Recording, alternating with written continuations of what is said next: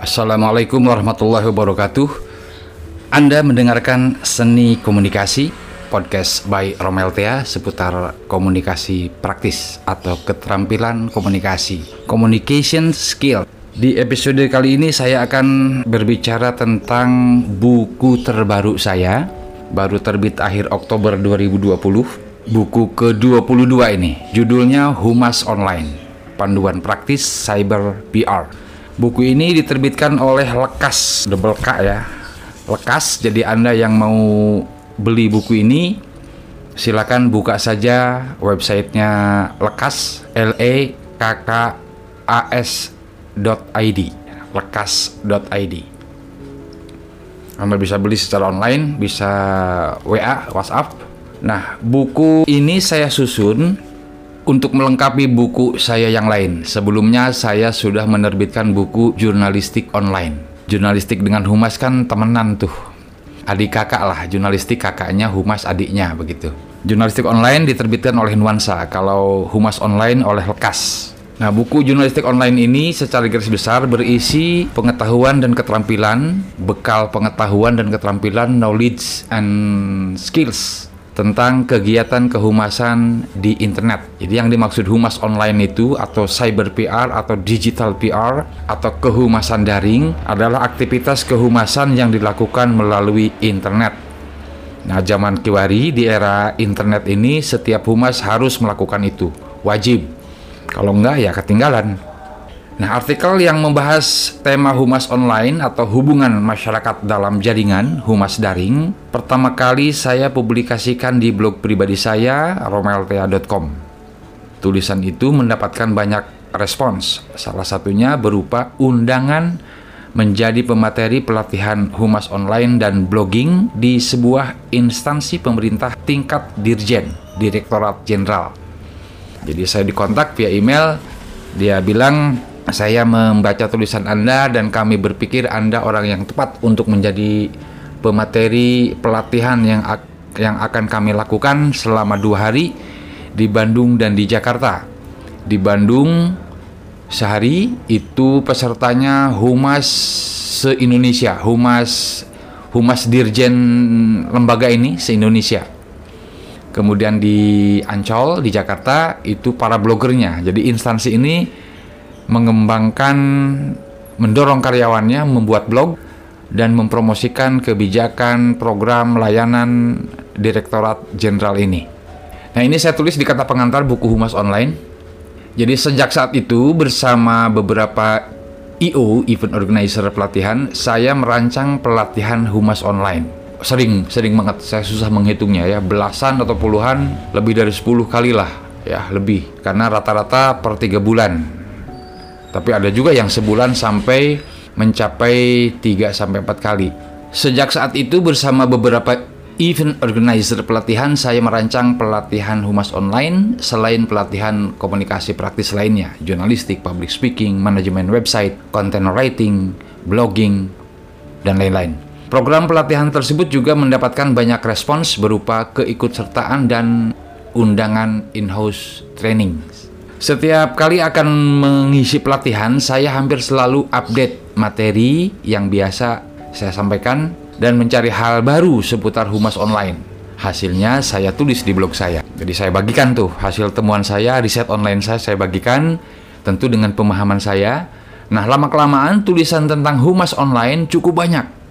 Ditambah kebutuhan modul untuk pelatihan humas online yang selama ini hanya berupa print out postingan blog saya memutuskan untuk menyusun ulang naskah-naskah yang sudah ada dan menjadikannya sebuah buku. Jadilah buku ini. Judulnya Humas Online. Buku Humas Online ini tidak dimaksudkan sebagai buku ilmiah. Saya bukan orang beraliran ilmiah, saya beraliran praktis, melainkan semacam pengantar atau introduction sekaligus tips dan trik. Karenanya penulisan buku ini menggunakan pendekatan praktis dan diberi judul kecil atau subjudul ya, panduan praktis cyber PR.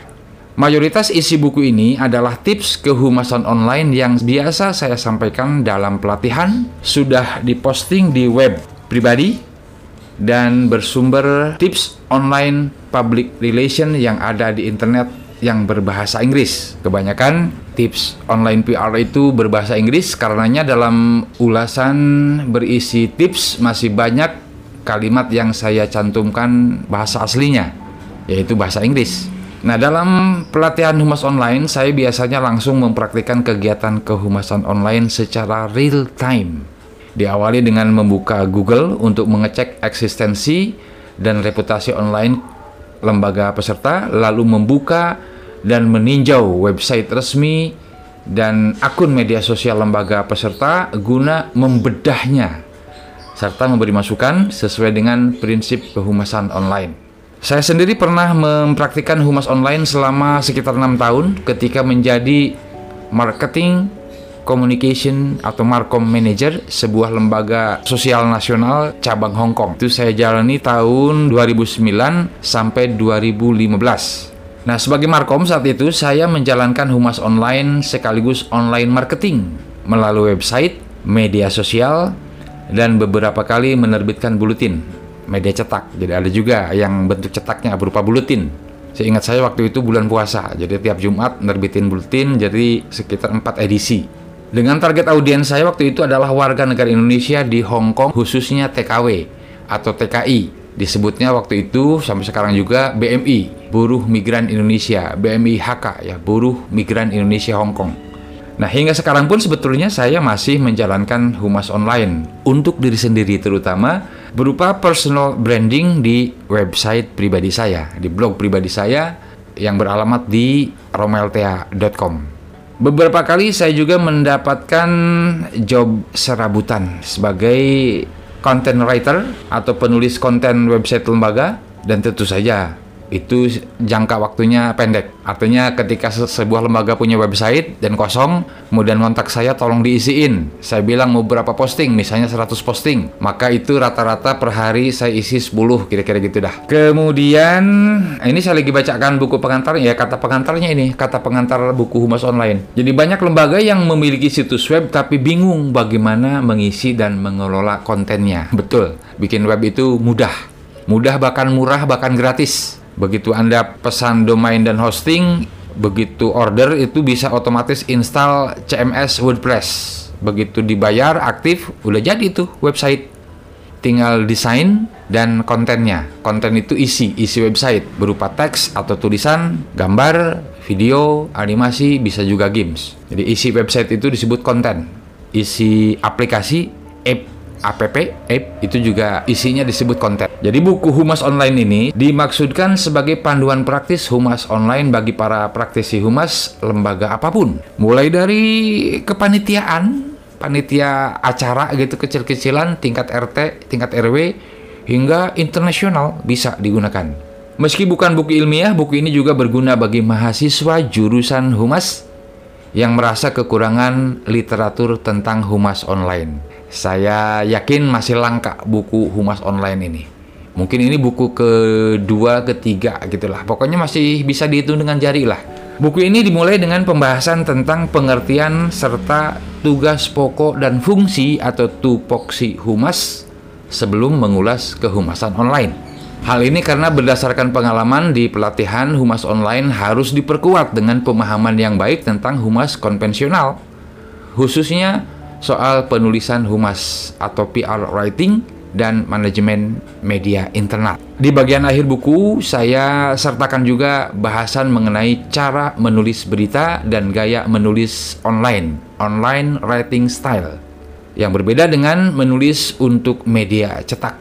Jadi berdasarkan pengalaman, para praktisi humas ini belum memahami dan belum terampil menggunakan gaya menulis online masih gaya konvensional, masih sama dengan menulis di media cetak begitu. Nah, apa saja gaya menulis online ada di buku ini ya. Salah satunya adalah rata kiri dan jarak antar alinea. Daftar isi buku ini ada di berapa bab nih? Saya sendiri lupa yang nulisnya.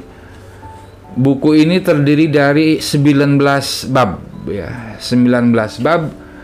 Bagian pertama pengertian humas, bagian kedua tujuan humas, lalu fungsi dan peran humas, kegiatan humas apa saja, ada juga strategi humas, Lalu baru masuk di bagian kelima humas online, pengertian, kelebihan, karakteristik, peran baru humas, perangkat humas online atau PR uh, uh, online PR tools, kemudian ada online PR skills, jadi alat humas online sama keterampilan humas online dibahas di buku ini. Barangkali ini yang membedakannya dengan buku yang lain ya. Jadi saya secara spesifik, secara khusus membahas di buku ini tentang perangkat humas online media-media yang bisa dimanfaatkan oleh praktisi humas dalam menjalankan kehumasan online plus keterampilan yang wajib dimiliki humas modern. Apa saja tuh? Ada 10 terkait dengan desain, terkait dengan kepenulisan, pokoknya content creation and curation.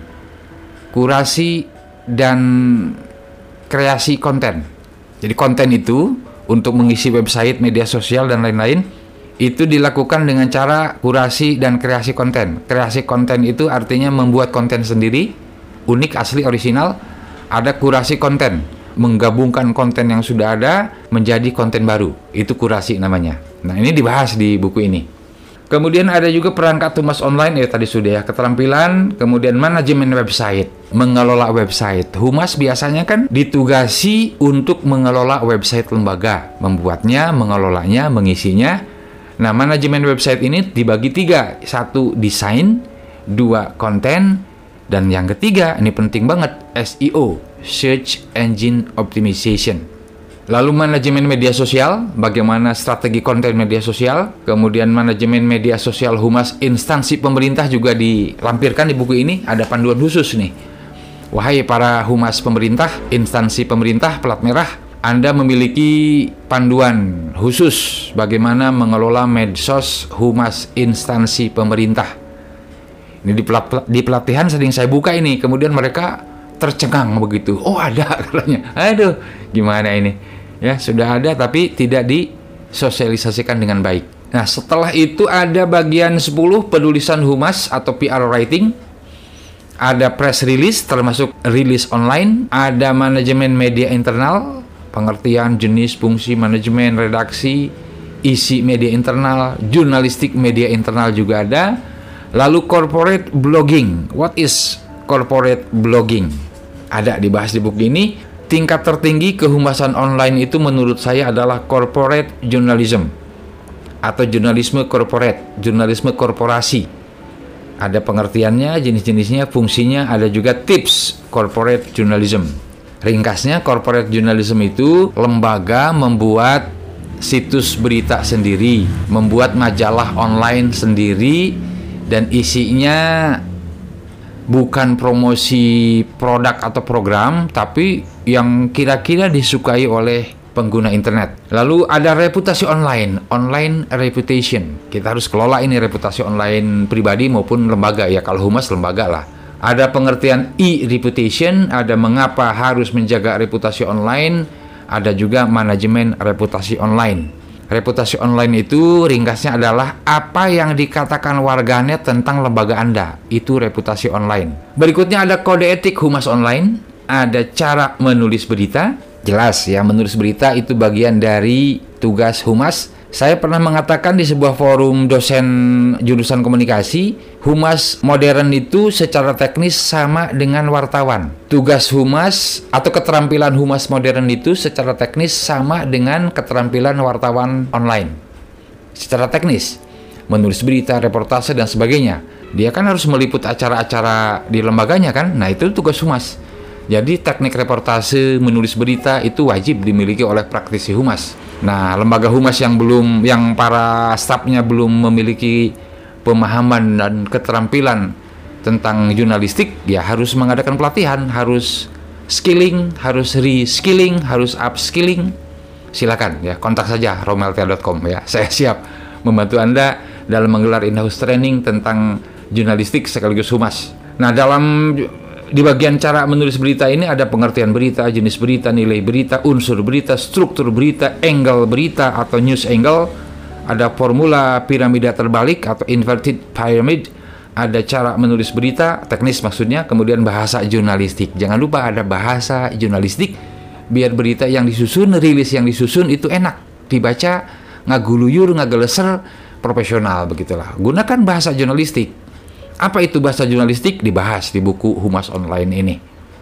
Bagian terakhir buku Humas Online yaitu bab atau bagian 19 tentang online writing, pedoman penulisan online, panduan gaya website, kemudian SEO writing. Jadi menulis online itu bukan hanya sekedar gayanya, display, format, tampilannya, tapi juga harus diisi, harus dilengkapi dengan SEO. Harus dimaksimalkan SEO-nya. Karena ketika kita menulis untuk dimuat di website, di blog, di media sosial, maka tulisan kita itu, postingan kita, postingan kita itu memiliki audiens, ditujukan kepada audiens. Yang pertama human being, manusia, yang kedua mesin, mesin, robot. Dalam hal ini adalah mesin pencari. Mesin pencari itu adalah situs-situs untuk mencari informasi seperti Google, Bing, dan Yandex. Yahoo juga termasuk situs mesin pencari. Karena ketika kita search email itu ada juga search web di bagian kotak pencarian itu. Itu dia resensi buku Humas Online Panduan Praktis Cyber PR. Bukunya bernuansa biru, covernya ada ah lihat aja gambarnya dah. Ya, lihat di cover art. Itu dia buku Humas Online Panduan Praktis Cyber PR karangan Asep Samsul M. Romli alias Romeltea alias Sim Kuring atau saya. Anda bisa baca resensi selengkapnya di romeltea.com atau di lekas.id. Anda juga bisa pesan buku ini di katalis.net. Di katalis.net juga bisa dapatkan buku ini. Anda tinggal telepon, tinggal pesan di mana pun Anda berada. Tentu saja kalau jauh maka ongkos kirimnya juga akan lebih mahal. Saya Romel Tea, sampai jumpa di episode berikutnya. Wassalamualaikum warahmatullahi wabarakatuh.